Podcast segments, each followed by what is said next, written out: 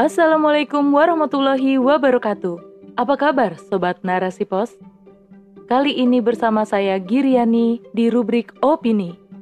Narasipos.com Cerdas dalam literasi media, bijak menangkap peristiwa kunci.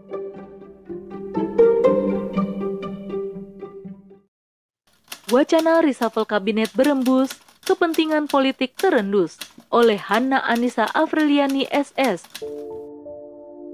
Pagelaran politik bertajuk Pesta Demokrasi kian dekat. Para politisi dan parpol pun sibuk menyusun strategi dan membuat manuver-manuver politik demi meraup suara terbanyak dalam kontestasi nanti. Di tengah hangatnya suhu perpolitikan tersebut, Presiden Jokowi melemparkan wacana reshuffle kabinet ke tengah publik. Isu reshuffle ini pertama kali berembus dari lisan Jokowi saat memberi pengarahan di forum virtual afirmasi bangga buatan produk Indonesia di Bali pada 25 Maret 2022 lalu. Hal tersebut disampaikan dengan nada berkelakar sebagai respon atas beberapa kementerian yang masih memenuhi kebutuhannya dengan produk impor Terkait reshuffle tersebut, Arif Susanto, selaku analis politik Exposit Strategik, mengungkapkan bahwa Jokowi memiliki waktu setidaknya sampai Juni 2022 karena menurutnya tahun 2023 sudah sangat dekat dengan waktu pelaksanaan pesta demokrasi. Jika reshuffle dilakukan, maka akan mengganggu kinerja pemerintahan dan juga agenda-agenda politik jelang pemilihan umum merangkul kawan, dan menyingkirkan lawan adalah sebuah keniscayaan dalam sistem demokrasi. Salah satu tujuannya adalah untuk meraih kursi kekuasaan atau mengamankan kekuasaan yang sudah digenggam. Berbagai langkah politik pun dilakukan jika dianggap mampu merealisasikan tujuan tersebut. Berkaitan dengan hal itu, isu reshuffle dinilai oleh banyak kalangan sebagai upaya melanggengkan kekuasaan. Sebab Beriringan dengan wacana tersebut, Sekretaris Jenderal PDIP Hasto Kristianto menyampaikan kepada media bahwa dalam jajaran Kementerian Presiden Jokowi tidak boleh ada menteri yang memiliki agenda sendiri dan tidak seirama.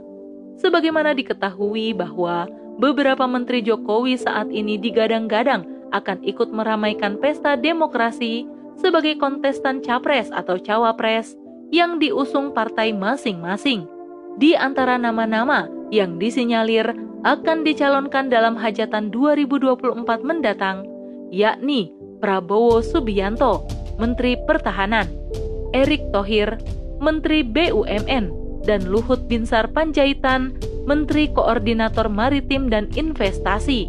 Sungguh terendus kuat betapa aroma politik mengitari wacana reshuffle kabinet ini bukan untuk membenahi kinerja pemerintahan demi kemaslahatan rakyat.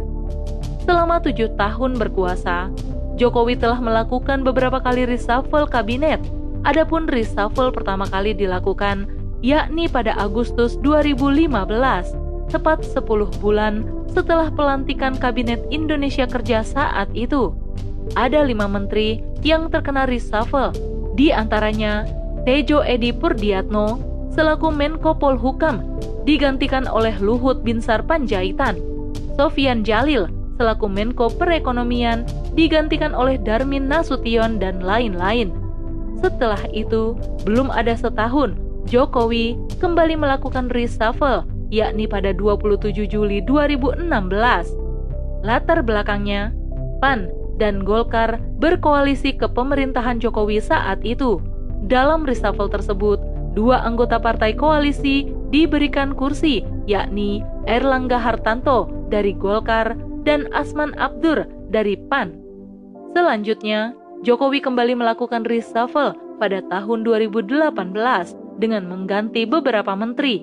Misalnya, jabatan Menteri Sosial yang semula dipegang oleh Hovifah Indar Parawansa diserahkan kepada Idrus Marham, diserahkan kepada Idrus Marham, politisi Golkar. Namun, belum sampai setahun menjabat, Idrus Marham kembali dicopot karena terjerat kasus korupsi PLTU Riau I. Di tahun itu pula, dilantik Muldoko sebagai Kepala Staf Kepresidenan menggantikan Teten Mas Duki. Selain itu, dilantik pula Komjen Pol Safrudin sebagai Menteri Pendayagunaan Aparatur Negara dan Reformasi Birokrasi menggantikan Asman Abdur. Disinyalir, hal itu disebabkan PAN tidak mendukung Jokowi di pemilihan presiden 2019. Tahun 2020, di periode kedua jabatan presidennya, Jokowi kembali melakukan reshuffle terhadap enam menteri, di antaranya Edi Prabowo dan Juliari Batubara yang ditangkap KPK karena melakukan tindak korupsi. Tri Risma hari ini pun diangkat sebagai Menteri Sosial menggantikan Juliari Batubara dan Sakti Wahyu Trenggono menggantikan Edi Prabowo sebagai Menteri Kelautan dan Perikanan. Selain itu, dilantik pula Yakut Holil Komas sebagai Menteri Agama menggantikan Fahrul Rozi. Demikianlah reshuffle demi reshuffle dilakukan di masa pemerintahan Jokowi. Totalnya empat kali reshuffle. Sungguh, identik dengan politik bagi-bagi kursi bagi partai pendukung. Sangat jelas bahwa sistem kapitalisme hari ini mendidik para politisinya menjadi sosok-sosok haus kekuasaan dan menteri oriented.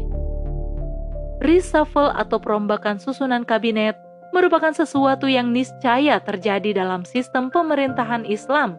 Namun, dalam sistem pemerintahan Islam, reshuffle didasari oleh spirit renovasi kinerja, bukan kepentingan politik tertentu. Sebagaimana dijelaskan dalam buku Struktur Negara Khilafah karya Syekh Taqiyuddin An-Nabhani tentang pengangkatan dan pencopotan jabatan muawin atau wazir atau pembantu khalifah. Terlepas dari perbedaan tugas dan fungsinya dengan para menteri dalam sistem demokrasi hari ini, namun setidaknya dapat tergambar bagaimana metode pengangkatan dan pemberhentian muawin atau wazir dalam sistem Islam. Perlu diketahui bahwa dalam sistem pemerintahan Islam, terdapat jabatan muawin tafwid, yakni pembantu khalifah dalam urusan pemerintahan dan kekuasaan, serta membantu dalam urusan pribadi khalifah. Muawin tafwid diberikan wewenang untuk mengambil kebijakan, bahkan berijtihad dalam urusan pemerintahan. Namun, ia harus selalu melaporkan kebijakan yang diambilnya kepada khalifah. Khalifah berhak melakukan pembatalan atas kebijakan muawin jika dianggap tidak sesuai atau bertentangan dengan hukum syara. Selain itu, ada juga muawin tanfis, yakni pembantu khalifah dalam hal administratif. Keduanya ditunjuk dan diangkat langsung oleh khalifah dengan mempertimbangkan beberapa persyaratan, di antaranya laki-laki, muslim, balik, merdeka, berakal, dan adil. Adapun masa jabatan muawin akan berakhir secara otomatis tatkala khalifah meninggal dunia sehingga tidak membutuhkan pemecatan. Namun, tugas-tugasnya tetap dilakukan di bawah kontrol amir sementara sampai terpilihnya khalifah yang baru. Kemudian khalifah yang baru harus melakukan pengangkatan baru bagi muawin tersebut.